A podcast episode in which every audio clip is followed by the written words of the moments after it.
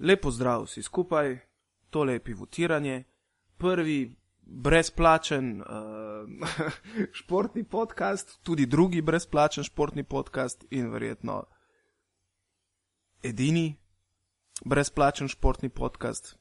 Koliko je sploh športnih podcastov v Sloveniji? Dva, Ja, dva tri. Ne, več jih je. Jaz bi najprej rekel, da je to s poudarkom na košarke. Ne? S podarkom na košarki, evo. Športnih je že, mislim, da pff, kakih pet, zagotovo. Vse je res, ma- mal se delam idiota, sem zdaj pognuto, to ker v bistvu poslušam ene tri. Uh, v glavnem, tale veleumni intro uh, je hvala Bogu šel mimo, zmeraj imam težave z njim, uh, tudi tokrat je bilo tako. Uh, moje ime je Štukl Nejc, to ste verjetno že pogruntali po neartikuliranem začetku, z menoj je pa Miha Penko, zdravo Miha. Živijo. Ja. Tako, kot da si se prvič zdaj oglasil, ne? Ja. Uradno. Uradno, tako je. Ja. Uh, ok, imava veliko stvari za povedati, malo časa, ravno kar se v živo predvaja, sam da vam je jasen časovni okvir. Uh, prva epizoda pete sezone Igre prestolov, uh, tako da veste, kaj vse žrtvujem za, za svoj hobi. Uh, Dejva začeti. Z čim? Najbolj odmevnim, verjetno, ne? Ja, najbolj odmevni in edino ligo, ki jo bo obdelala. No? Edino ligo, ki jo bo obdelala. Ja. Ja, se pravi, uh, zdaj, da jaz na brzino odprem internet, ker sem zelo pripravljen. Mislim, da v četrtfinalni pari uh, najmočnejšega evropskega tekmovanja so Boston Celtics proti Helio Sansom, če se ne motim. Um, Uh, prevzemi ti. ne, ti se lahko malce pozabavaš, ampak Helio Sansi morda res pridejo še do playoffa in do četrtfinala. to je res, to je res. V glavnem, CSK, Panathinaikos, Fener, Makabi, Barca, Olimpijakos, Real Madrid, Anadolu Efes. Uh, lahko rečeva, da osem ekip tudi z najvišjimi proračuni. Nihče izmed, eh, ne moramo reči ravno drugokategornikih, ne? Kategornikov, ampak eh, klubov, ki recimo razpolagajo z manj denarja, uh, se ni uspel vrstiti med osem najboljših in tako v četrt finale Eurolige. Verjetno bomo lahko izpostavili tudi kakšno malce negativno zgodbo v letošnji sezoni. Tudi pozitivne so bile, uh, vsekakor pa na koncu so kocke na svojem mestu, vsaj po mojem mnenju v, v, sami, v samem četrtfinalu. Ti pa povej, če pogrešaš še koga drugega. In če je kdo med osmimi, ki ga tam nisi pričakoval. Uh, ja, ne bi rekel, da je kdo med osmimi, ki ga tam nisem pričakoval. Zelo je vesel Efes, kar je zgledalo že nekaj časa. Ne? Uh, Ja. Ampak na srečo jih je na koncu Unikaha rešila. Po eni strani je Unikaha proti koncu začela igrati kompaktno, tako da v bistvu si četrt finala sicer niso zaslužili, mi pa po eni strani še vedno žal, da niso zraven. Vendarle gre za najboljšo ekipo trenutno v španskem prvenstvu. Sej. Ne? Mislim, da so še vedno na prvem mestu. Vse, in mislim, da je eno najboljših obrambnih ekip Eurolige sploh. Ne? Ja, ja. Uh, zdaj, ne, če tako pogledaš, bi skoraj rekel, ja, sploh ne vem, zakaj so se odigrali ti dve pretekmovanji, lahko bi kar takoj določili teh uh, osem kandidatov, ne? ampak se je tudi teh osem kandidatov moralo kar potruditi za svoje pozicije. Ne? Za vse je bilo zanimivo, praktično vsak je do konca visel. CSK, ki je nekako po prvih 14 krogih uh, zgledal popolnoma nepremagljiva ekipa, je potem v drugem delu parka dubo po nosu. Ne? ja. Uh, ja, Makabi, ki je na začetku leta izgledal uh, kot ena odprta konzerva, bi rekel, po odhodu Davida Bleta, nekaterih glavnih nosilcev uh, lanske igre in nekako vsi so pričakovali, da ja, itak je trener Gudes bil zgolj natakar Davida Bleta in uh, bo to precej prehodna sezona. Zdaj na koncu ne zgleda tako. Zelo moram reči, da dejansko so še vedno so varirali skozi vso sezono, ampak odigrali so, ko je treba. Ne? In, in imam feeling, da nekako prihajajo spet v pozicijo underdoga. In če stopim zdaj korak naprej, me skoraj da ne bi presenetilo, da celo pade Fenerbahče Ulker in se Makabi uspel vrstiti na Final Four. No? Hmm, Če vzamem tretji- mal drzno napoved. Ne? Ja, najbrž je pa to tudi par, kjer, ja, poleg Barcelone in Olimpijakosa, no, Ja, kjer bi lahko tale tako imenovani underdog premagal uh, moštvo, ki ima prednost domačega igrišča. ja, zdaj vprašanje, kdo je Eh. od teh dveh sploh underdog, če me vprašaš. Makabi Fenerbahče. Ne, Barcelona Olimpijakos. Ja, um, pač bistvo je, da, da je Barcelona bila skozi celotno sezono v težavah s poškodbami, predvsem na teh nizkih pozicijah. V nekem trenutku zato so ekipo krpali tudi z Edwinom Jacksonom iz Francije. Mm. Uh, na podlagi tega je tudi nekoliko več priložnosti dobil Mario Hezonja, ki igra zares kot neka zver, kot žival. Uh, tudi zadnjo tekmo proti Realu v španskem prvenstvu odigral zelo, zelo dobro. Če se prej spomnimo še klasiko v Euroligi, tudi pet njegovih trojk, šestih poizkusov.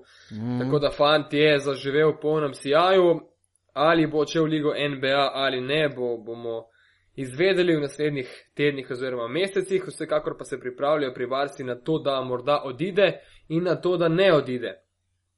Uh, v smislu, da želijo podaljšati z Aleksom Abrinesom in si tako zavarovati vsaj enega izmed teh dveh košarkarjev tudi za prihodnih nekaj sezon. Juan Carlos Navarro ni več najmlajši, ampak mislim, da ima Barcelona eno mešanico recimo med izkušnjami in pa med temi mladimi košarkarji, kot sta Brines uh, in pa Mario Hezonja v prvi vrsti. Med izkušnjami pa jasno sodijo Boki Nagbar, Brett Olson, Juan Carlos Navarro, tule nekje vmes pa letos superzvezdnik Ante Tomič. Ne glede na to, da je po številkah Bobinator uh, dominanten v Euroligi, pa je vsaj za moje pojme Ante Tomič najboljši center tega tekmovanja. Absolutno. Uh, tudi drugače je videti, če daš. Ok, Bobby je fizično izjemen. Ne? In tudi sam se ne zaveda, kako močen je. Vsake toliko viš, ko se bori za žogo, za tisto mrtvo žogo, nikogaršnjo. In viš, kako vsi igralci zraven njega kar letijo stran, ko se po nesreči malo ob njih rukne. Ne? Ja, se strinjam, ampak če bi sestavljal ekipe, če bi imel na voljo pač enega in drugega, bi se sam odločil za Ante Tomiča, ker mi je ta Ja, perfekcija, ki absolutno. jo ima ta občutek te asistence, pomenijo bistv- bistveno več. eh, Je pa, je pa pač Bobi pokazal letošnji sezoni ne enkrat, mislim, 16 dvojnimi dvojčki je enostavno postavil tudi nov rekord v Euroligaškem tekmovanju. Več ni. Bo pa tri, ne. Barcelona imela prednost domačega igrišča, nisem prepričan, da lahko Barcelona slavi v Grčiji, hkrati pa nisem prepričan, da Olimpijakos ne more slaviti v Palau Blaugrani, v Kataloniji. To. To me v bistvu še najbolj zdaj le pelje na, na neke mešane občutke, uh, kjer bo Barcelona, mislim, da enostavno prvi dve tekmi morala dobiti v domači dvorani. Ampak vemo, da se vrača Spanulis, moštvo Olimpijakosa. To da ni, je- mislim, da nihče dvomil. Ja, da je, da je Oli uh, s Fajropolosom, da je v bistvu obramba njihova, njihovo glavno merilo, moštvo, ki prejema najmanj točk. V Evropi je prav Olimpijakos in to seveda kaže na, na eno zanimiv dvoboj, ki nas čaka. Uh, ti si prej rekel, da spremljaš, uh, kak film že? Um, nadaljevanko Game of Thrones, Miha. Ja, no, no, tukaj nekje smo, ne? tudi, tudi z Barcelono in pa Olimpijakosom, mislim, da no. Ja, Barcelona Olimpijakos bi znala biti tudi poslastica, glede tega, ker bomo verjetno gledali dve taktično najbolj rutinirani moštvi v Euroligi. Ne? Kjer imaš lih to dovolj veliko število starih rutinerjev, ki znajo zmagovati, ki znajo osvajati naslove ne? in ki znajo Ja. ja. igrati take tekme. In to bo poslastica predvsem z taktičnega vidika. Veliko po moje izenačenih tekem, sprememb rezultatov.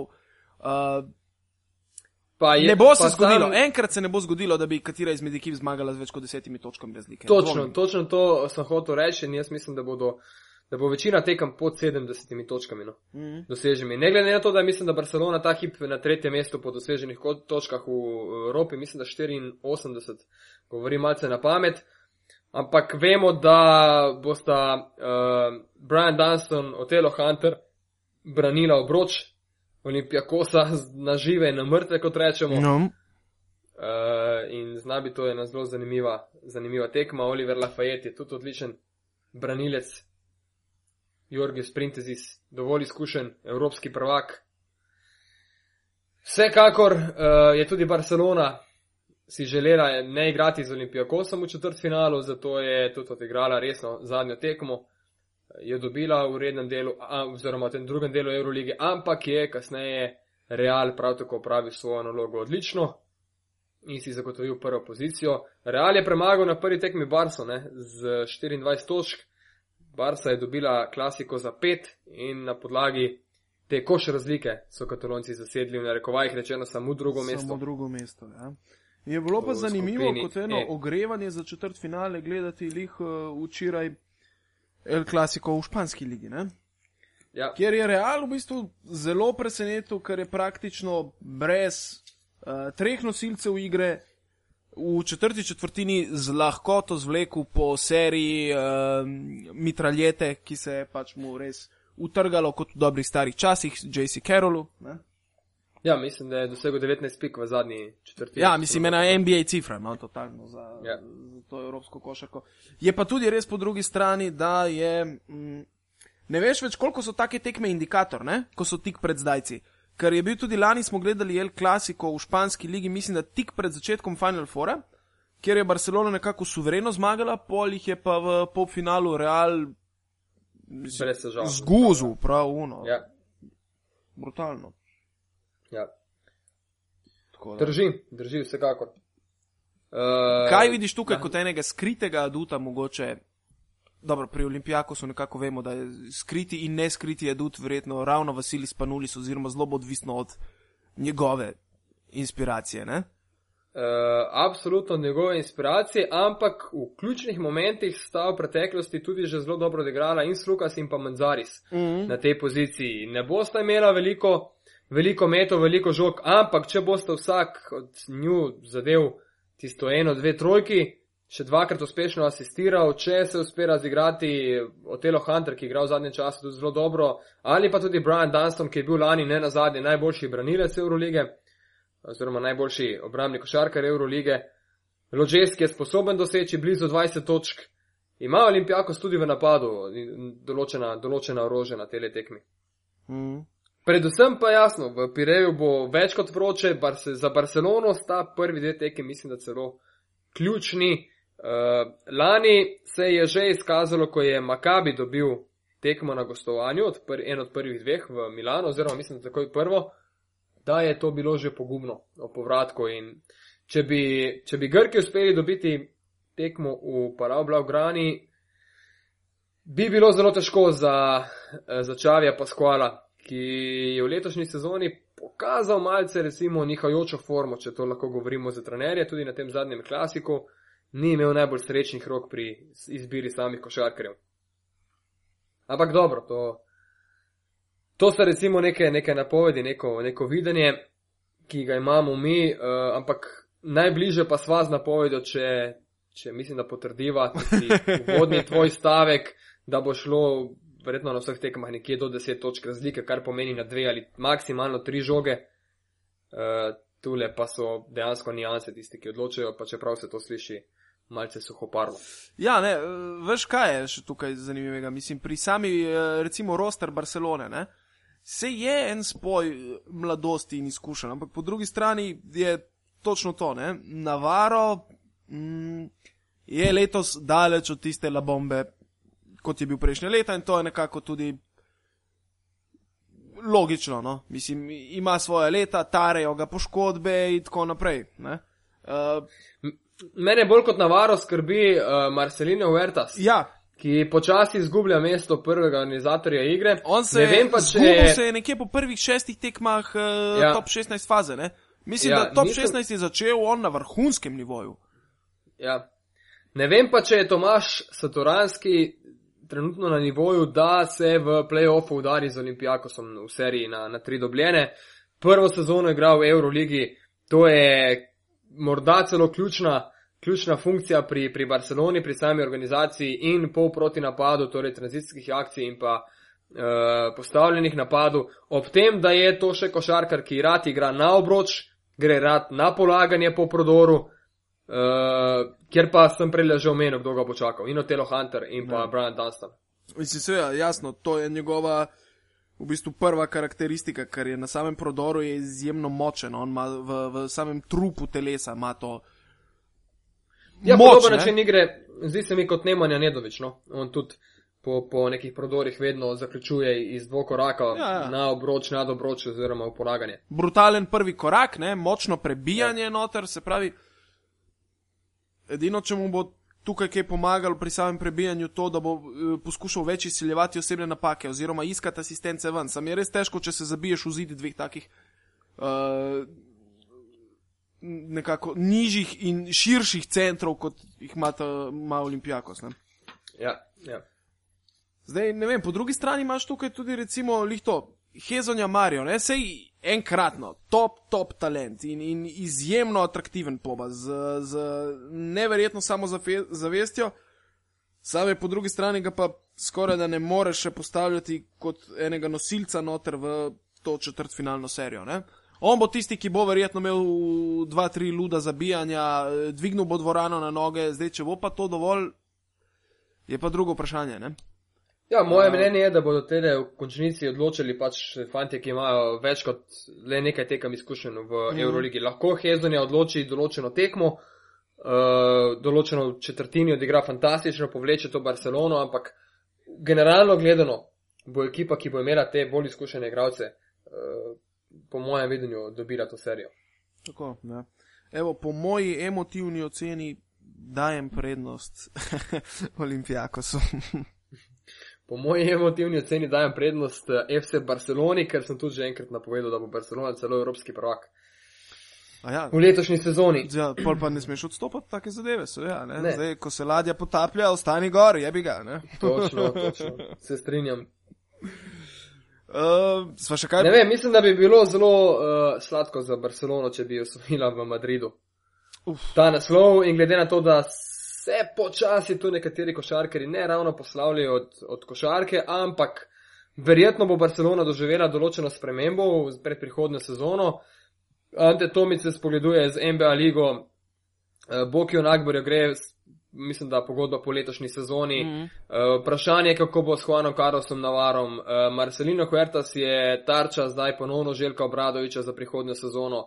Mario Hezonja grozi s tole NBA ligo, tako da je mislim, da za to generacijo ena res lepa priložnost, preden uh, se malce razidejo. Ja, in točno to, da je finale v Madridu, viš, to je en tak močen, bi rekel, uh, učinek inata, ne. Ja. Tako da, ni to za izključiti. Katalonci so, kar se tega tiče, ponosni in tle zna marsikaj proradi. Čeprav v celi ekipi so mogoče dva katalonca, ampak nema veze. Ne? ja, včasih so z Grimajem in pa Sado malce bolj skrbeli, uh, pa Jordi Trias. Ja. na centrskem položaju so malce bolj skrbeli, da so imeli uh, tri, štiri dejansko fante iz, iz Katalonije v svojih vrstah. Ali pa vsaj iz, iz Juventuta. Ja, zdaj eh, za sigurno lahko trdim edino za uh, Č- Xavija Pascuala, Čavija ne. Paskuala, ja, še za Navarota nisem zihar. uh, greva na naslednji par. Lahko. Barca bo z Olimpijakosom sicer prvo tekmo odigrala v sredo. Evo, ko smo že o, o, pri teh terminih, lahko sem še tlele bi mal pojamral, no, mogoče malo off topic, ampak da mi je neverjetno, kako so uspeli se sinhronizirati eh, različne lige in da je tukaj svoj lonček pristala še Aba liga s svojim Final Forum v pravem trenutku, medtem ko smo imeli zdaj en mesec cajta za, za izpeljati tale Final Four, ne? Ne, Ja. so odločili, sisajte ga, ali boste gledali eno ali pa drugo. Ne? Tako da, kar se tiče teh terminov, potem je tle zraven še, še eh, najpopularnejša postranska stvar na svetu, ki pa je ni košarka. Uh, tako da se kar nabere enih stvari ne? in, in, in mi ni jasno, kako dejansko že sam. Uh, Sami televizijski prenosi pokažejo na stanje evropske košarke, kakšno je. V buli! Mislim, Pis, da ne morete se zmeniti tri lige, da, da naredite normalno, eh, da se lahko vse pogleda. Ne? Ma, mislim, da boljše, da, tekme, da teme s Fibo in Ule bom zdaj le Ne, ne, ne, ne, sej to, to sploh nisem mislil, to je bila zgolj alegorija na to, kar se dogaja. Aha. To s Fibo itak nimava kaj govoriti, ker je. Ker, ker nima vagala v bližini. Ja, ne, če bi imeli gala, zdaj bi se kregali uro pa pol, ne, ampak to lahko Ja. yeah. pustimo za drugič. Ja. Ja. E, lahko V glavnem, v, v, v sredo še tekma Reali in Anadolu Efes, ki so jo malce tudi že omenila. Ja. S, ja, Bo, bo, bo Efes dobil vsaj eno tekmo? vprašanje.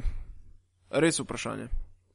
Efes sicer, ja, se je znan Ivkovič po tem, da zna svojo ekipo dvigniti, ko je čas. Spomnimo se recimo prvega osvojenega naslova z Olimpijakosom, kjer so ravno tako viseli do zadnje tekme v top 16, potem so pa v četrtfinalu zaigrali proti Sieni kot prerojeni, dobili prvo tekmo, bili blizu, pa je zgubili, potem dobili gostovanje v, v Sieni za 1-1, ne? Ja, ja. In potem naslednji dve zmagali, in mislim, da vsaka tekma se je končala z manj kot tremi točkami razlike. Ena taka bolana scena je bila, ne? Skos, do konca so se garbali. Jaz mislim, da si Real ne sme privoščiti kiksa proti Efesu, čeprav bi ravno tako potem igral na zaključnem turnirju, ampak tudi že en poraz v seriji, pa recimo napredovanje s 3 proti 1, bi verjetno v Madridu sprožilo kar malce negativno, negativno mišljenje. Vemo, da gre za glavno mesto Španije, navadno so navijači v glavnih mestih drugače nastrojeni, malce bolj na komod, malce bolj uh, razvajeni, kar se tiče samih rezultatov, tudi drugot po Evropi, ne samo v, v Španiji. Uh, in poraz z Efesom bi bil do določene mere, mislim, da uh, presenečenje.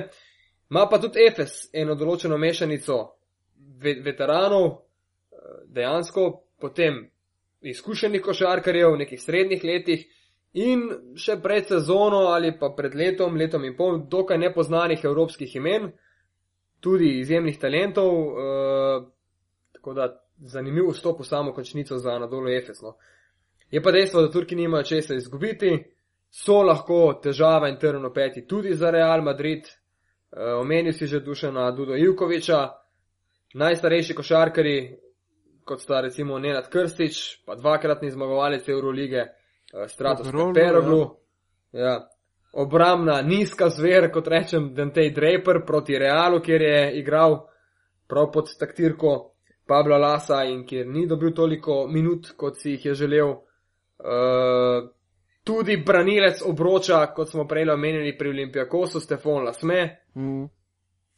Mislim pa, da potem še Bielko in Ortel malce za samo ravnoteže celotne ekipe. Se, pazi, ni naiven, ne, uh, roster Efesa, ampak vseeno, uh, ne vem, po drugi strani r, brani koš lahko resno samo Stefan Lasme, ne. Uh, ja. V takem dvoboju nekako. Ne Na nadkrstiš, vseh pozicijah, na nadkrstiš, vseh bo težko pariral. na ena, ne. ja. Na vseh pozicijah ena na ena, ne vem, kje bi lahko Efes dobil določene prednost, mogoče strani Darja Šariča do, do neke določene mere. Proti komu? Proti Andresu Nočoniju? Ja, ja, na svoji poziciji, mislim, da bi Šarič lahko odigral boljšo tekmo. No. Prvič bo imel više minutaže, kot bo imel Nočioni. Ja, sem. Uh, zagotovo večjo vlogo tudi v napadu. Mislim, da Tepeš se z igra. in Felipe? Tako da Ja. jaz mislim, da bo po dveh tekmah v Madridu dva proti nič za Madrid, ne glede na Dudo in vse izkušnje, ki so noter. ne. Ja, in relativno verjetno suvereno. No. Mm. za Real Madrid, sploh na domačem terenu. Real mora tukaj pokazati, mora napaliti občinstvo, uh, vse te, da bodo dejansko verjeli, da je po treh sezonah oziroma po dveh finalih čas letos, da ga osvojijo doma. To je zelo pomembno, kako si bo Real tlakoval pot, ker uh, predstavljaj si, da Pablo Laso izgubi eno tekmo na domačem terenu pred Final Forum, kako bo to sprejelo občinstvo, kako bodo to sprejeli navijači. Takoj se bodo začele špekulacije, no, leto se je začelo že prej kot lani, ko smo izgubili v finalu. to sigurno, ja. Ampak po drugi strani pa, uh, mislim, Ne, to je živa resnica. So, Jaz so. Lani in, pa, in predlani na, na tekmah Reala na Final Fouru in navijači so glasni točno do četrte, pete minute. Čim je enkrat minus štiri, minus pet, je, je bila tišina. Ne? mm, Oziroma predlani v Londonu, ko je Olimpijako začel iz minus 17 drugi polčas loviti razliko, kar naenkrat ni bilo več eh, špancev v dvorani. joj, kako me to spominja na.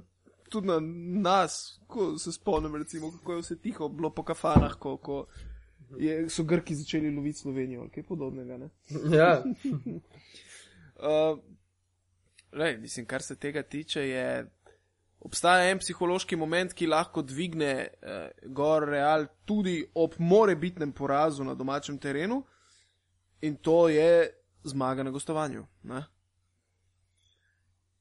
Takrat ja. se lahko ekipa dvigne. In včasih ekipa v bistvu potrebuje en tak močen šok, da potem spelje do konca. Ne?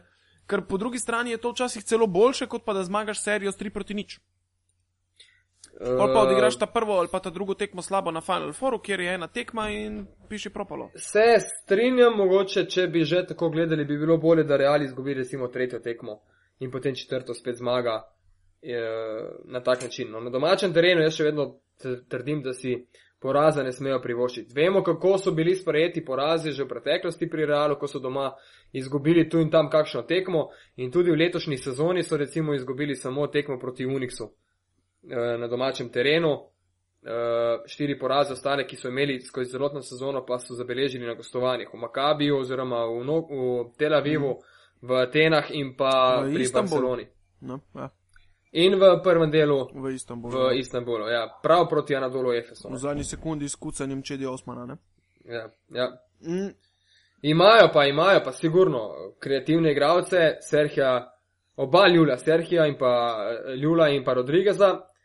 Uh, dosegajo največ asistenc, mislim, da celo v zgodovini Eurolige, dinamičnega Rudija Fernandeza, uh, najboljšega skakalca vseh časov Eurolige Felipe Arejasa, ki ima verjetno za seboj najboljšo sezono celo. ja. JC Carroll prihaja na strelske vaje ravno takrat, ko je najbolj pomembno in v pravem trenutku tudi odlično formo. In Markus Lotter se je iz začetnega prvega dela Eurolige, kjer je igral po 4 minute na tekmo, dvignil v tisto obrambno zver, od kat- katero smo v bistvu vsi pričakovali že pred začetkom sezone. Ne? Ja, in imajo to specialiteto v obrambi, da lahko z določeno consko obrambo postavijo celo Markosa Slotterja na vrh, Tako, tako. kar ne vidimo uh, pogosto in nimajo vse ekipe te širine, kot jo ima Real Madrid. Edina težava za Real Madrid, sicer zdaj le malce prehitevam, ko se bo vrstil na zaključni turnir četverice, bo tisto, kar bi morala biti prednost, domač teren. Mm. In ta karma, ki jo nosi od lani in predlani, torej dva poraza v, v finalu, vsi govorimo o tem, da so to izkušnje, da so fantje, ki, ki so to doživeli, ki znajo igrati, to drži, ampak hkrati se moramo zavedati, da so to tudi negativne izkušnje, ki jih nosijo seboj. In predstavljajte si samo obračun, kjer Real Madrid na polčasu vodi za nekaj točk in se začne zgodba malce obračati, potem na plano privrejo vsi tisti spomini, ki so se dogajali v zadnjih dveh sezonah. Ko In se ti začne film vrteti pred očmi. Ja. Enostavno. JC Carroll ne bo razmišljal, JC Carroll bo pritekel iza blokade na trojko In šutno. in jo ja, poslal proti obroču in takrat je psiha zelo pomembna, takrat ne gre čisto za nič drugega, čisto za nobene mišice ali kaj podobnega. Zdaj, uh, kaj pričakuješ recimo od mečapa uh, Borusis Krstič? Če si misliš, da bodo leteli Ne, kakšni ne, to me zanima, kako blizu so stoli dvorane tam v, v Madridu. Uh, zelo, zelo, zelo zanimiv dvoboj. S tem, da pač Borusis mislim, da nima zdaj tako napadalne pomembne vloge, kot jo je imel že v preteklosti. In da bi Krstič morda samo po točkah gledano bil lahko na koncu te serije celo eh, boljši kot Janis Borusis, čisto iz statističnega vidika. E, Janis ima to prednost, ker se nekako večkrat odvaja ven za met na trojko. Ne? To tudi In, drži, ja. in s tem potegne za sabo še tega centra, da gre za njim in se sprosti noter prostor raketi. E, Real Madrid ima pa tlele ogromno enih, bi rekel, norih uh, skakalcev, ki utekajo noter v raketo. Začnemo že samo ob Rudiju Fernandezu, ki tako rad po čelni liniji prileti na v njegov alejub, ki ti ni jasno, odkje je priletel. Granadoma je tam. Ne? Ja, ja, ja. Uh, lej, mislim, da nobena od teh tekem, vsaj ta prva, če govorimo o prvem obračunu, ne bo zdaj ekstra atraktivna, verjetno. ne? Uh, se pa zna zelo hitro potem zakuhati že v drugi ali tretji tekmi, da bomo gledali res ubijalski basket. Prva mislim, da bo zelo taktika in da bo vse nekako koš na koš, malo več fizike. Ne?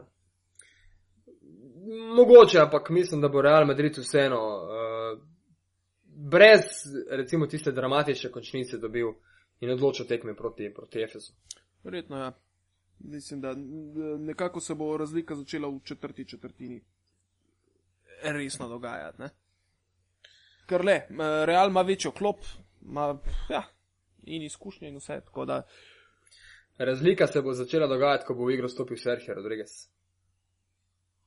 Navadno sklopi. Mm. Miš, da ga ne bi mogel Draper pobraniti? Ni šans, ne?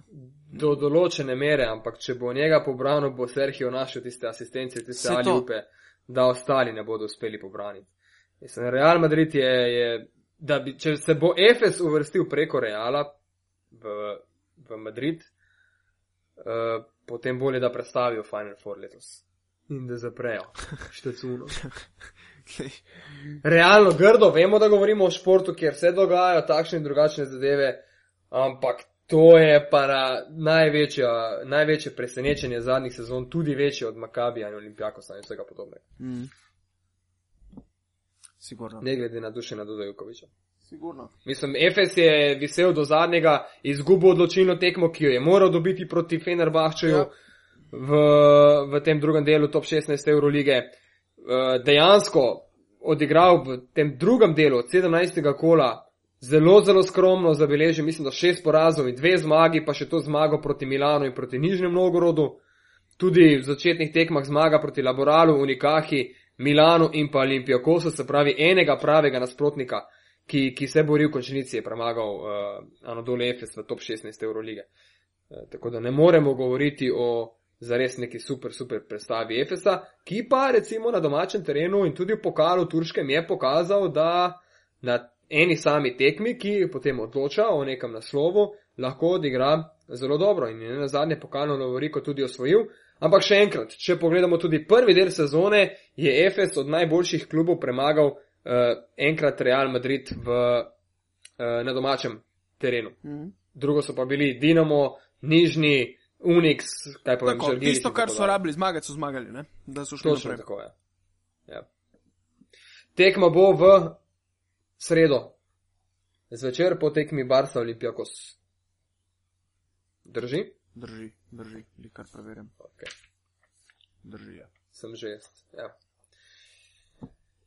Greva na Fenerbahče, Irker Istanbul, Makabi Elektro Tel Aviv. Zanimalo, katerega boš hotel za konec spustiti. Ja. Uh, ja, tako. Podiva najprej na to. To, to, to, to, ja. uh, Fener je v seriji devetih zaporednih zmag na gostovanjih. To je drugi najboljši dosežek v zgodovini Eurolige. To kaže seveda, da so varovanci Željka Obradoviča sposobni zmagovati tudi na tujih igriščih, kar bo v tem dvoboju, mislim, da zelo, zelo pomembno ker pričakujem, da bi Makabi lahko odnesel eno zmago v Istanbulu. Uh, Fener je sicer top 16 dobil z 11 zmagami in 3 porazi, bil drugi v skupini F, takoj za CSK in pred Olimpijakosom. Um, se lahko uskočiš?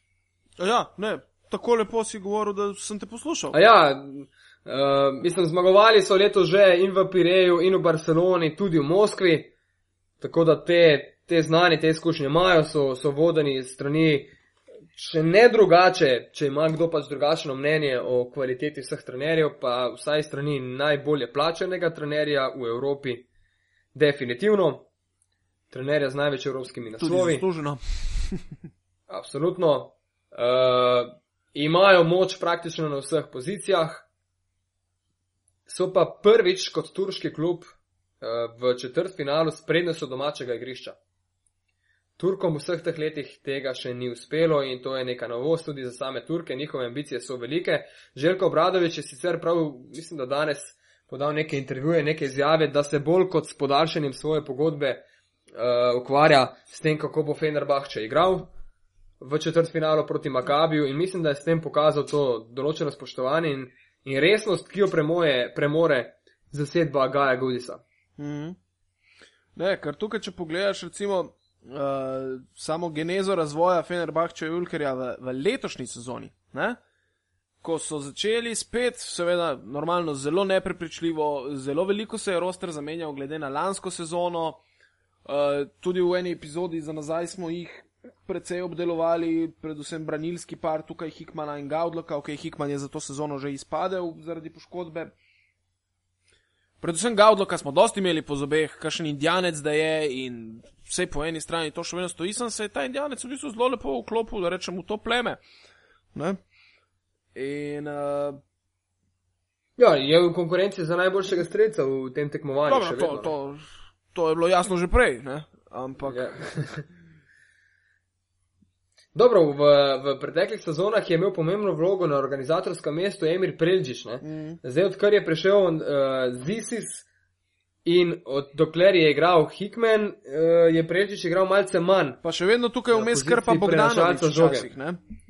Tudi to drži. Uh, nisem prepričan, da bi, da bi ta odsotnost Hickmana imela tako zelo pomembno vlogo. Dvomim. V, v, v teh bojih no, z Makabijem in potem mora biti tudi na zaključnem turnirju četverice. Mislim, da lahko tudi Zisis spelje je igralec, katerega so trenirali za res sami najboljši trenerji. Uh, ne vem, če si kaj spremljal, ampak če pogledaš, kje vse je igral Zisis in kdo je takrat bil trener Zisisa oziroma tiste ekipe, ima, mislim, da dejansko od, ne vem, top 10 trenerjev v Evropi, pet ali šest takšnih trenerjev od CSK-ja uh, do, do samih reprezentanc, do vsega.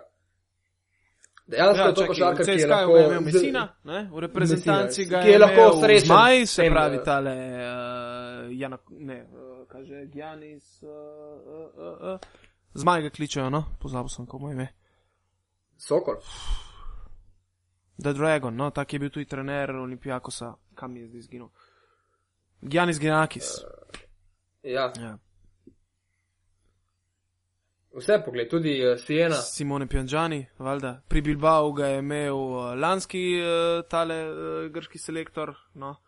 Danes sem slab z imeni, danes sem slab z imeni. Pa Vse te vem, pa še full fan sem tega trenerja. Uh, točno, Kacikaris. Kacikaris, Focis Kacikaris. Ja. Čakaj, pri Unixu ga je imel in pa Šutin in uh, Trinkieri, moj omiljeni, ki sicer dvomim, da spada med deset najboljših v Evropi, ampak dobro. Ne? Med deset najbolj obetavnih. Ajde. Prav vprašanje, koliko- do, do, do kdaj si še obetaven, po koliko letih staža si še obetaven. Dokler učiš, si še obetaven. Tako, evo. Tako. Ne, v glavnem resno, je imel, je imel odlične trenerje. Uh, pa konec koncev nima pa še telo vrike, Kaj? Ima? Ima, valjda ima. V s CSK je imel svojo. A, CSK, ja, pardon. ja. Sa, in samo se s CSK, ja, z nobenim drugim. Ja. Ja, tukaj velika prednost je recimo to, da uh, je Njemanja Bjelica v življenjski formi, pri Obradoviču je popolnoma proradil in, in je nekako ta pozicija štirke mu tako noro odgovarja, mislim, prevzema odgovornost, da veselje ga je gledati, res ga je veselje gledati. Ne? ja, all round štiri je Točno to. to, all around štirka. Ne? In, Ja. in prenaša žogo, mislim, itak je v Crveni zvezdi bil organizator igre, zato kapo dol pešiču, da imaš jajca iz Avstrije poklicati igralca, ki ima 2,9 m in ga postaviti na mesto organizatorja igre. Ne? Mislim. Jaz, ki nimam kaj zgubiti, se verjetno tega ne bi upal. Ne? ne vem, tukaj po eni strani pri Fenerju ni tega nekega klasičnega centra, ne? Uh, ampak po drugi strani, Ja, veseli, veseli se dobro počuti visoko nad oblaki, ne? ampak še vedno. še vedno ni to klasičen center, ki bi pa rekel, da ima neko hrbtno tehniko, da se postavi na low post, da mu spustiš lopto dol. Ne? eh, Ravno zaradi tega bodo obračuni s Fenerbahčejem, mislim, da zelo zanimivi, z Makabijem. Točno to, ker tudi Makabi tega ne. nima. Ne? Ker, uh, ja, je pa vendarle, Sofos Horcanitis tisti, ki bo v 15 minutah se zagotovo guzil pod obroč, direktno v raketo, praktično brez vodenja skušal priti do neke pozicije. Ne? In uh, bomo videli, kako bo tukaj rotiral v prvi vrsti Željko Bradovič, verjetno Savaša. Tudi Erden bi tukaj lahko določene osebne napake nabiral na Sofos Korsanitisu, po drugi strani pa uh, Guy Randall in Alex Tyers v igri 1 na 1 z Janom Veseljem. Joj, to Tukaj bo mislim, da se trampolin, to bo trampolin. Ja, absolutno. Jerry Pargo se že veseli. Je tretjič lovi Final Four v treh sezonah Eurolige. Je prvi mož, mislim, da uh, Makabija letos. Prvi mož je Eh, Devin Smith, po moje, kar no. Devin Smith, par, ja, ja, ja, se, se bom strinjal. Devin Smith, ki je v prejšnjem kolu tudi razbijal v, v Albi. Tistih sedem njegovih trojk proti Albi je rekord, ki ga je zanašil. Doslej je sedem trojk v dresu Makabi dosegel samo Šaruna Sesikevičus. Noro. Ja. Brian Randall, na nek način novinec v Euroligi, ki to ni, igral je že v preteklosti, ampak se je hitro poškodoval um, za moštvo, a, zdaj mi je pa šlo, mislim, da za nemško ekipo. Ol Bayerna? Oldenburg. Ne, v Euroligi. Bil je uh, kot uh, zamenjava za enega košarkarja, prišel v ekipo, ampak se tudi sam, mislim, da že po dveh tekmah poškodoval. No? Tako da dejansko ni ravno njegova debitantska sezona v Evropi. Ampak Makabi je Makabi, Makabi ima Pinja Geršona, Makabi ima navijača, ki je zadev rezultat zadnjih, mislim, da treh tekem, razliko. In ga je zato Pini Geršon v Berlinu nosil na ramenih, verjetno si opazil tisto fotografijo. Uh, Baje je tisti gospod napovedal zadnji dve ali zadnji tri tekme. Točno razliko v korist Makabi. A ne, vem vas. Ja, In zdaj, kaj če se obrne, če začne Pini Gršon napovedovati točno razliko? Zanimivo, da je Pini Geršon pri določenem delu publike zelo popularen, pri določenem delu publike pa totalno nepopularen v, v Izraelu. Showman. Veš kako, eh, predvidevam, da se navijači Makabija zelo dobro razumejo v košarko. Ne? Uh, in zdaj se pa delijo samo na dve grupe. Tisti, ki imajo smisel za humor, in tisti, ki pa pač ne prenesejo trenerja njegovega kova. Ne? Ja, Ker mislim, da za biti uh, oboževalec slika in dela Pinja Gršona je potrebno imeti smisel za humor. Mislim, on je Absolutno super pojava, ne? ampak tako, če ga pogledaš, sej, uh, mislim, mal je to kafansko, no, ampak, ba, bom tih, no, da, da.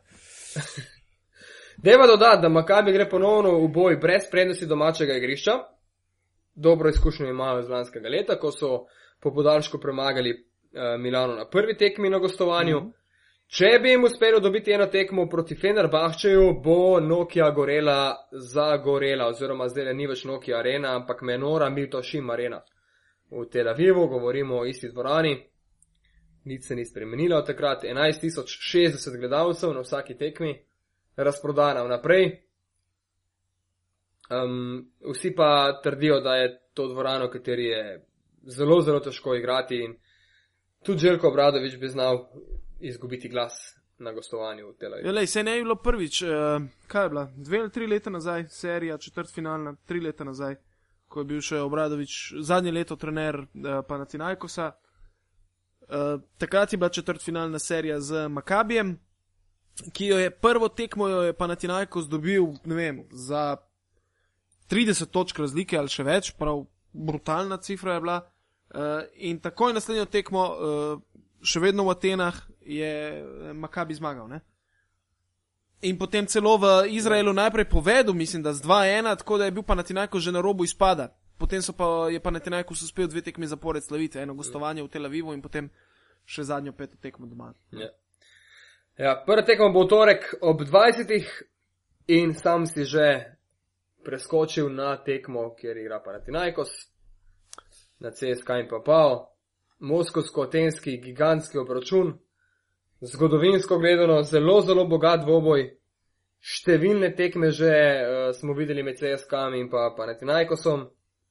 Uh, CSK je najboljša ekipa napadalno gledano, mislim, da celo v tem desetletju v Euroligi. Koliko imajo? Sk sk Rusi- skoraj 90 pik poprečja se mi zdi, da imajo na tekmo manj, Ja, ne? ja, ja. Rusi so zabeležili letos tudi že serijo 15 zaporednih zmag. Uh, Miloša Teodosiča zadnje čase kličem kar libero. Malce v, v nogometno odbojkarskem smislu, ker enostavno se mi zdi, da je tak prosti igralec. Ki nima svoje Ki pozicije. Moraš, ne, mu, gre. moraš, moraš, mu dati, ja, moraš mu dati to svobodo. Ja, točno to. In uh, mislim, če ga že kličeš libero, bi lahko to še upgradeal in bi ga klical Englaro. Ja, sploh po frizuri sta si zelo, Totalno, zelo ista, podobna. ista, braća. Um, Jackson Teodosič, tudi Fritzon so CSK naredili najboljšo ekipo po metih za tri točke v zadnjih desetih letih. Uh, dobro pod košem minute izkorišča Voroncevič, za moje pojme zelo hvaležen košarkar. Kyle Heinz igra morda malce manj ob tej izjemni konkurenci. Uh, Saša Kaun je namreč prvi center, ta hip grozi s tem, da bo celo zaključil kariero po letošnji sezoni. Tudi Saša Kaun. Odlično, ja, je odlično, ja, ja. Sicer ni še navedel razlogov, dejal je, da bo, da bo to še izdal v prihodnje, ampak ne vem, se že špekulira o tem, da, da naj bi zaključilo. Čeprav ni imel tako hudih težav s poškodbami, zdi se mi v zadnjem času, um, da bi ga to privedlo v to razmišljanje. Ali pač. Najkoristnejši košarkar meseca januarja, Nando Dekolo, on je, mislim, da posebna zgodba letos. Zelo, ja. Ampak prijetna, tista prijetna zgodba. Ne, dejansko je na začetku obstajal strah, kako bo to vse skupaj izgledalo, uh, kako se bo ujemal. Kako ga bo točno sprejel, to, ja. ne. In uh, ujela sta se, mislim, da lahko mi že igrata drug z drugim, ne? čutita se, ko laufata po terenu. Ja, to je bila želja Etoreja Mesine, ne? da ekipa igra mi že, da se točno ve, velik podarek na tajmingu, na pravočasnih, točnih podajah. Uh, Mesina je imel to idejo, da, da se košarkari morajo čutiti in dejansko, če bi mi že igrali, da se natančno ve, kdo kje stoji in uh, zakaj gre določena žoga na, na enega košarkarja. Ni pomembno samo od točke A do točke B, ampak tudi na kakšen način. Če njemu ni uspelo, bo morda Dimitrisu Itudisu, ki letos zelo dobro vodi CSK. To moramo podariti. CSK je vendarle dobil tudi tole top 16 v prvi skupini. Kako je recimo Ja. na, na te vplival tukaj, mislim, kako vidiš to zadevo, odkar se je Kirilenko vrnil iz NBA-ja? Ker v tistem hipu se mi zdi, ko je Kirilenko prišel not, je CSK začel slabše igrati. Ne? Ker do takrat Ja, ja, so to- bile vloge točno porazdeljene in dejansko ni bilo nezadovoljnega igralca. To se zdi, ampak ne vem, če je krivda samo, samo na njemu in če gre za kakšno nezadovoljstvo. No, kljub temu ima ekipa 12 zmag in 2 poraza. Uh, do določene mere se porazi morajo dogajati. CSK je v prvem delu zabeležil 10 zmag. Če bi CSK v prvem delu dvakrat ali trikrat izgubil in se ravno tako prebil v top 16, ta dva poraza ne bi pomenila nič. Ne? Ja. In bi, in bi vsi dejali, da je to čisto nekaj normalnega in, in bi šel mas go on. Ne, se še vedno daleč od tega. Mislim, izgubili, normalno, so, izgubili so z Olimpijakosom in s Fenerbahčem. ne. Ja, ja. Dva poraza v celotni sezoni eh, ob 22 zmagah, to je izjemen dosežek, ne glede na Kirilenka. Ki pa lahko zagotovo pride tukaj v določeno rotacijo, ima določene izkušnje, ni pa to več Andrej Kirilenko, ko- kakršen je bil v preteklosti. Še ko je- tri leta nazaj. ko Ja. je, ko je veljal, ampak pozor, ne, pred dvema letoma je Kirilenko, ki sta Kirilenko in pa Kaun izgubila, mislim, da tisto, ne Kaun, uh, Hrijapa, uh, zakuhala. Hrijapa je izgubil tisto žogo za proti napad. Mhm. Takrat. Uh, kaj je to bilo? Dve leti nazaj, no, da me spomni. Finale je Z Olimpijakosom. Ja, ja, ja, ja. Ja, ja. Tako, 2-12. ja, ja. Si še tu? Um, ja, sem še. Pozabila sem na Sonja Vimsa, ne hote. Odličnega atleta, košarkarja akcije, lani v prvi peterki Eurolige. Nekateri pravijo, vsaj ti igralci Eurolige, da je to najboljši krilni igralec, ki je izven NBA. Defenzivno verjetno zelo blizu tega, ja. Čeprav mislim tudi ofenzivno. Zdaj je tako, ne?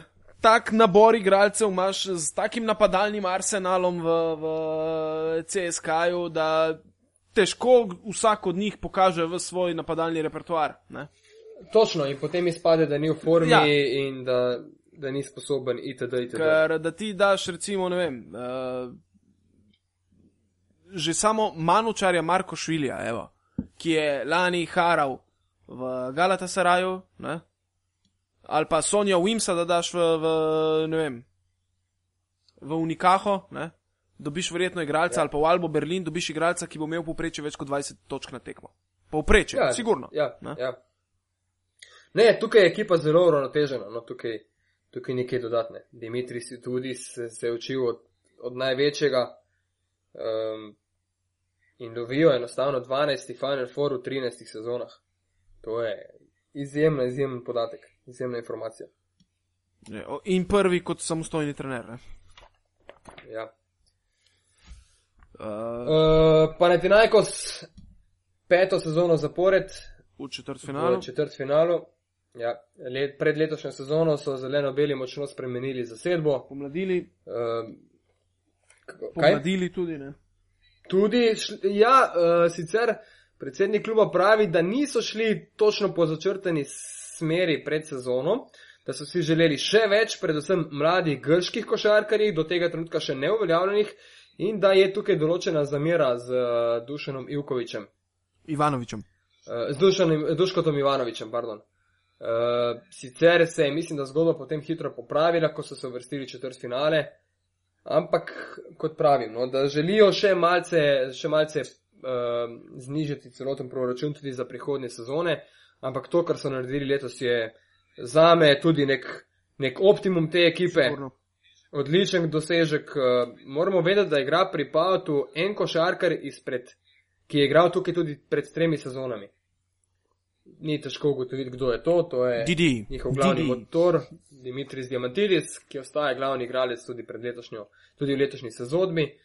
Uh, ima določeno pomoč od Jamesa Gistu, ki ga je na, na svoje mesto oziroma v svojo ekipo vabil tudi Željko Bradovič, mu ponujal, pa je bistveno več denarja, ampak se je Gist odločil, da ostane v Atenah za nekoliko manj, če se ne motim, milijon in pol za dve sezoni, tukaj le nekje. Uh, Esteban Batista na, na centrskem položaju, sicer po številkah zelo soliden, več kot 10 točk, pa tudi mislim, da 6 ali 7 skokov. Ampak za moje pojme ne tako zelo dober, kot so ostali centri ostalih ekip. Uh, ni mi tako všeč, če bom dejal. To bi se kar strinjal. No. V, v, v, v četrt finalu Eurolige. Ja, ja, ja. seveda, no. Mislim, Panathinaikos je tudi ja. visel v bistvu na koncu, ne, če pogledaš. Uh, zgubili so tekmo pionirju zvezdo.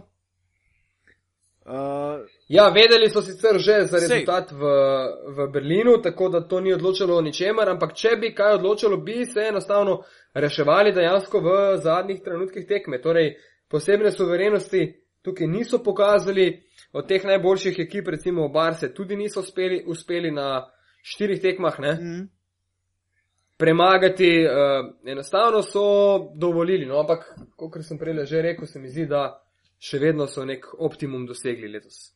so, oni igrajo, bi rekel, no, tako, tako kompaktno košarko, ampak daleč je to od tistega Panathinaikosa, ki smo ga gledali seveda v obdobju Željka Obradoviča. Tudi daleč je to tistega budžeta Panathinaikosa iz obdobja Željka Obradoviča. Ne? Ja, to je, to je vse načrtno, to je vse načrtno, ja. Tako da, v, v to, kar so šli oni. No. Vse so napovedali že pred sezono, tako da tukaj ni, ni nekih določenih uh, presenečenj, ampak uh, spet imajo te določene košarkere, ki, ki so se, mislim, da kar lepo naredili. No. Papas dobi več priložnosti, igra tudi zelo solidno. Uh, Jankovič, ki je bil sicer v ekipi že lani, ampak Lani praktično ni neke igral, Hude, ja. Ni imel neke hude vloge, je bil 13. košarkar praktično in zgolj po sili razmer vstopal v igro. Uh, AJ Slaughter, novinec na tem nivoju, izjemno hiter, agilen košarkar, ki lahko dosega neke točke tudi v seriji. Um, ampak premalo bo to za CSK, v to sem praktično prepričan. Mm. mm, Tudi vprašanje, če bodo uspeli eno tekmo, eno tekmo v seriji dobiti. Ja, mislim, pri Grkih se nikoli ne ve, ne, ampak. Uh, Dobro, vodeni so, vodeni so strani uh, Diamantidisa. ne, Ja. To, je, to je velik, velik pomen. Ja, in morda Oaka, o katere velike, veliko pričakujejo. mm, domače, domače igrišče.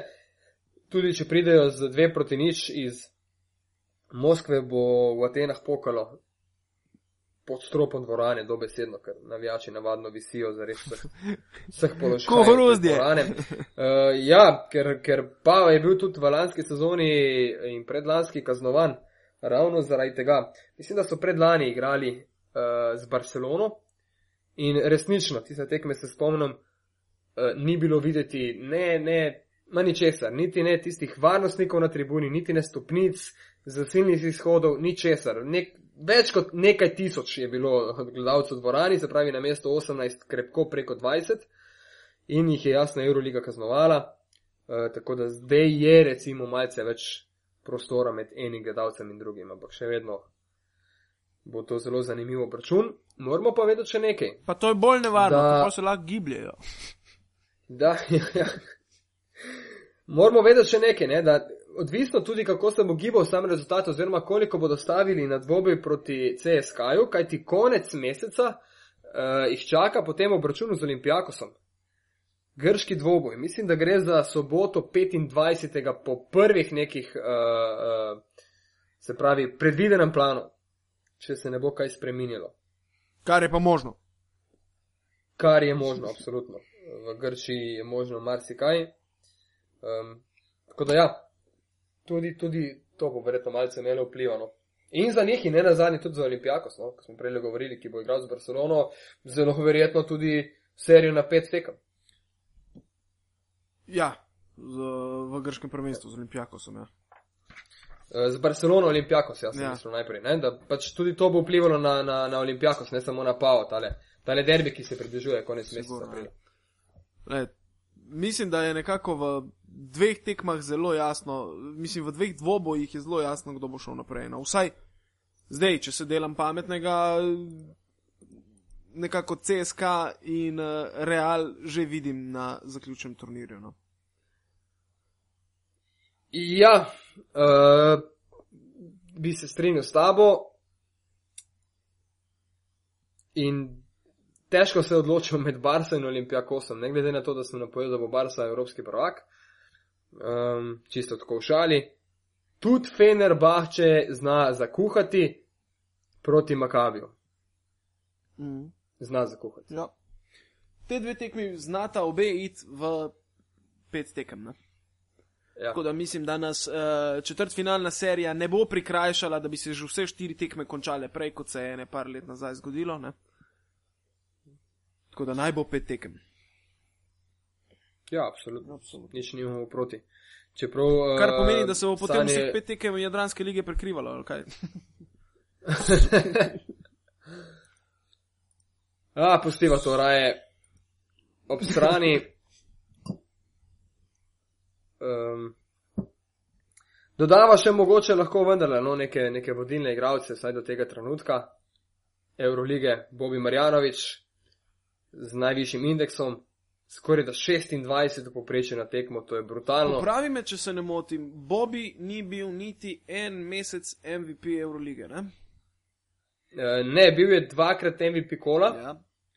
Ampak uh, razlog je, mislim, preprost. Gre za to, da je on konstantno igral skozi celotno sezono. Ne? Igralci, ki so bili MVP meseca, pa niso recimo tako visoko prosperirali kot, kot je Bobby. Dobro, imamo tukaj Bjelico, imamo tudi nekatere druge igralce, ampak mnogi izmed njih so recimo odigrali določen mesec zelo, zelo dobro, potem pa malce padli v formi. Se pravi, je, se Bobby pravi, bi- je zafrknil, Bobby- ker ni dve tekmi slabo odigral.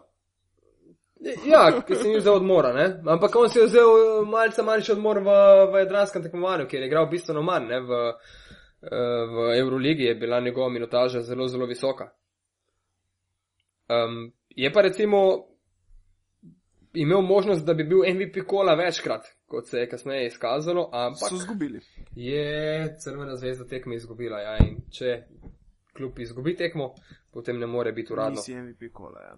ne dobi naziva MVP-ja. Je pa lahko po indeksu najboljši, ne? se bo bi ga dosegel tudi 40 letos. Ja. Tako da z tega stališča je, je to nesporno. Je to nesporno.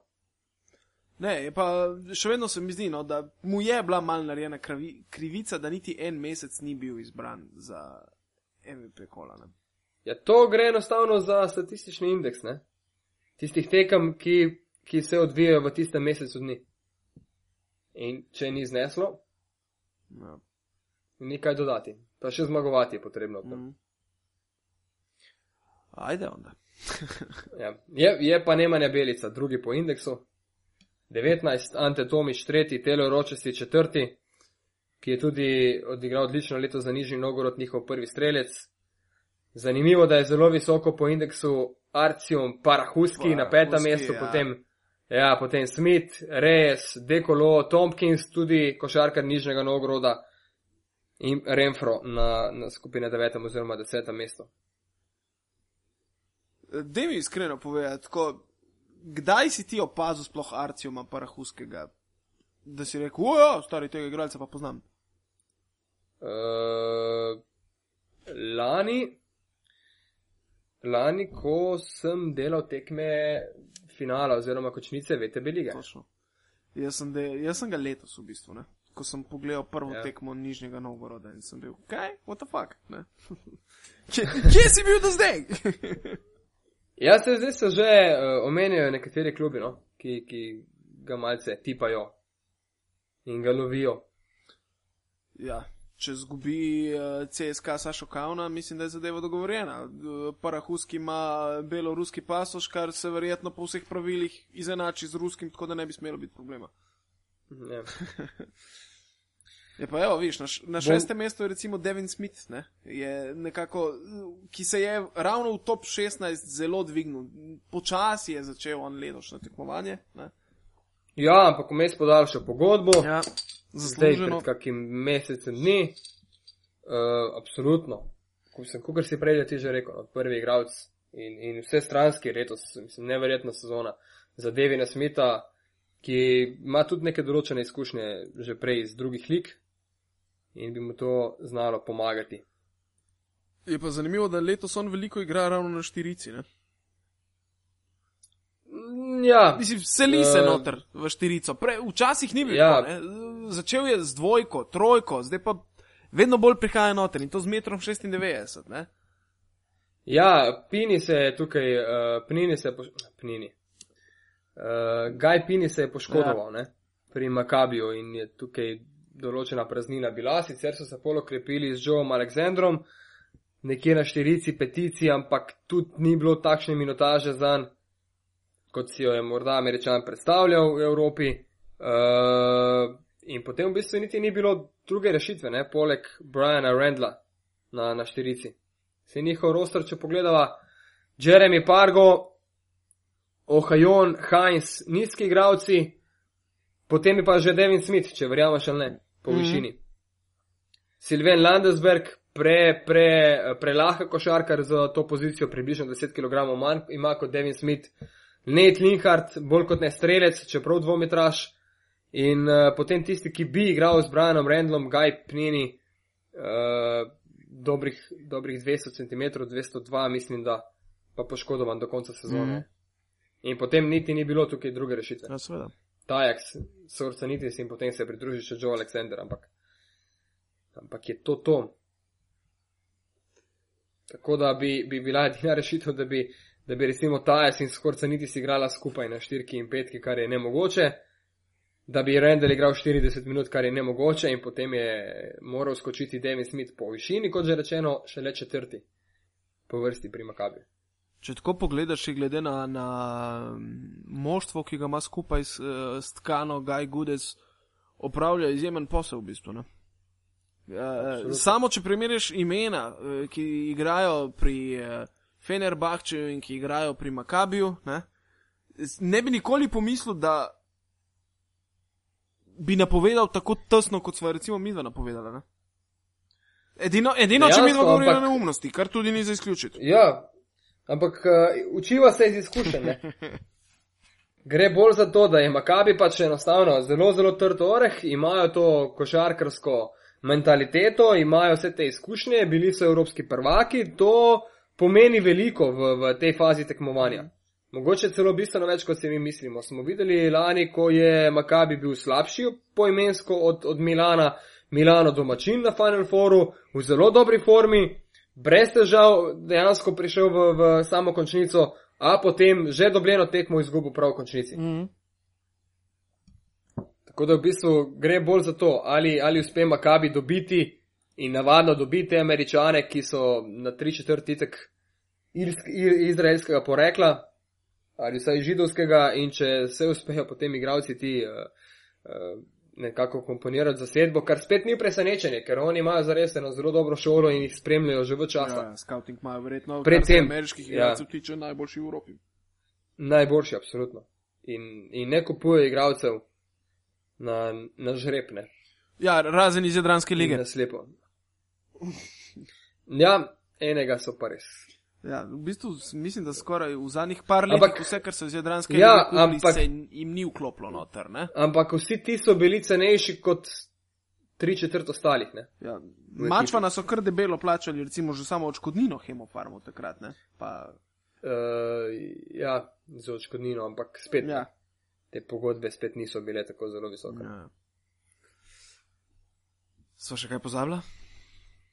Mislim, govoriva se vedno o evropskem prvaku lanskem, ne, ki si bi naj privoščil neke določene številke, Ja, ki jih sicer zmanjšuje. Sej, no. koliko je zdaj uh, budžet, če imaš slučajno uh, kakšno informacijo uh, Makabi Tel Aviva? Je še 16 Mislim, milijonov evrov, je že nižji? Jaz, ja, ja, ne, jaz bi zdaj tako rekel 15, ampak nimam pa zdaj direktno, to se itek nikoli nek, na nek način ne ve, to so neka predvida, predvidevanja, to so, to so neke približne cifre, ki krožijo in, in verjetno ni daleč od resnice. Mislim, verjetno pa gre Makabi celo v, v tole končnico, poleg Panathinaikosa z, z najnižjim budžetom. No, mislim, da je FS preko Real, tudi Barca, Olimpijakos, Fener, absolutno in CSK, torej po, po budžetu Pao in Makabi. Sami reveži, ne? Ja. Še kaj bi mi znali nar- narediti, ne? kakšno ekipo. Tudi mi bi naredili takšno ekipo, ne, z 15 milijoni. Ja, jo, jaz ne vem, kakšno ekipo bi naredil s 15 milijoni, eno tako sprdačino, verjetno, da bi se razpadla po desetih kolih. Ja, lahko pa sestaviš prvo peterko. No. Lej, kar se tiče v, v, fantasyju, se mi igra razpada zadnji čas. Začel sem malo zgubljati točke, uh, ravno v končnici, ko bi moral pritisniti, sem padel izmed prvih treh v ligi pivotiranja. Tako da zdaj zadnjih pet tekem še lahko reši. Ti sem slišal, da si ubral drugačen pristop, da zaupaš istim desetim igralcem, ki si jih izbral pred začetkom sezone. Ne? Ja, verjetno trije, štirje več ne igrajo v Sigurno. Euroligi, ta hip. Ne. Najbrž je en še poškodovan, se pravi, pri meni sem še peterka prinaša. Prinaša točke. To je to, to je železen karakter. Evo. Ja, ja. Tako da mislim, da sva ga pripeljala do konca danes. Ja uh, moramo pa dodati še ene zahteve z našega gala. Si prebral, nisi prebral sporočilo? Uh, sem, sem se delal, da ga nisem prebral. Aha. Ker nisem bil siguren, če že rabiva tako zgodaj najavljati, da, da pol ne bo šlo kaj narobe. Ne vem, lahko bo šlo na robe, tako da to vzemite z rezervo, vsi, ki Ma, poslušate. lahko naslednji teden napovemo. V glavnem, eh, naš tretji član Gal Zbačnik na Twitterju pod zba.lle, lahko mu tam težite, če se to ne bo šlo, je napovedal live pivotiranje. Glede na to, da je objavil že, mislim, da je na Twitterju in na Facebooku na strani pivotiranja, lahko dodava tudi mi dva v tej epizodi, ki je XY po vrsti, 50 plus, ne? Ja, Ne veš pa točne številke. 66? Ne, vem, mal na pamet sem rekel. Mislim, Ok. to dan, Glavnem- današnji 66. Uh, ja, zbale se trudi, da bi organiziral live pivotiranje nekje v mesecu maju, zelo verjetno v tistem vikendu, ko je zaključen trening četverica v Madridu. Ja, mislim, da to bi prišel 16. maj, takrat bi me zdolja. Tako. Uh, naj ostane skrivnost še točna lokacija in točna ura. Uh, Da, glede na to, da pričakujemo, da bo več tisoč ljudi, ne, da ne bo potem polovica nekje, pa polovica na drugi strani Ljubljane. Bo pa Ljubljana, verjetno. Ob sedmih zjutraj na Plečnikovem Kongresnem. stadionu. Aha. Uh, A pa res, zdaj vidim šele njegov tweet, da je objavil. Je boga, kukuru, Je, je, sploh se nismo še nič zmenili, on objavlja. On to full rad dela, ne? Še zdaj čakam na intervju z, z najtrofejnejšim slovenskim eh, trenerjem. Mogoče je prišparal za live. Zagotovo pa ni. Ampak, če bo vse v redu, ne, bo, bo organiziral tudi to, da boste slišali tudi mene iz Madrida, glede na to, da tisti vikend odhajam na zaključni turnir četverice uh, in ne bom mogel sodelovati drugače kot preko Skypa na tem vele dogodku, vele spektaklu. Ma kaj sta si vidva zmislila dejansko? Glej, Ker, ne, mislim, gledam, glede na to, kako se težko sploh posnamemo, ne, kamoli, da bomo zdaj imeli konferenco. Moja letalska karta je plačena, tako da Madrid uh, ostaja prioriteta. Uh, zdaj pa, če bo dejansko organiziral tri mikrofone, uh, Skype uh, povezavo, uh, projektor itd. itd. Mislim, da še neke nagradne igre obljubljal, potem se morda tudi slišimo iz Madrida. Uh, znači, piši propalo. Ja. tako da to je to. to je to, evo. Uh, Ja, ja. Želimo vam. Lahko nas najdete Ja, kje nas lahko najdejo? Na internetih. ja, na internetih. Ja, vseh internetih. Mene na unem plavem, s ptičem. Čivkanje. Čivkanje, Ja, Tweet. ti jablonski, čeprav mislim, da ne čivkam zadnje cajte skoraj nič. Mene tudi na Twitterju pod Penkalis. Komaj že čakam, da se začne tudi četrtfinale Eurolige. Jutri imam prvo tekmo, v sredo nič opravka z Euroligo, potem pa še četrtek in petek. In prihodnji teden Jovano Novo. Jo, no, no, ja. Uf, Tudi pivotiranje ima svoj profil, no, mimo grede, tako na Facebooku in na Twitterju, večinoma ga ureja zbale. Uh, to je to. to je to. Evo. Nič, če se vidimo v živo, fajn, če ne, tudi fajn. In uh, želim vam pa, da čim bolj uživate ob četrtfinalnih dvobojih in ob Final Fouru, če ga boste kje vmes ujeli, Jadranske lige. Ne. Tisti, ki smo ga tokrat namensko spustili. Ja, lahko nam dejansko napišete tudi vaše favorite za, za uvrstitev na Final Four same Eurolige, pa tudi Abu lige ne bo nič narobe. Ja, sej, mislim, da je bracket, ti si že izpolnil na zadevo na Ni, Euroligi. nisem še, ni, nisem še, ampak imam, imam v Evo, planu. jaz tudi, danes Ja. bom, samo što nisem. Ja. Prihodnji teden pa zelo verjetno tudi pivotiranje o ligi NBA. Odlično. Okay? To je to, dovolj so ga zvlekla. Absolutno. Absolutno. Ajde, uživajte. Čau. Lepo zdrav, adios.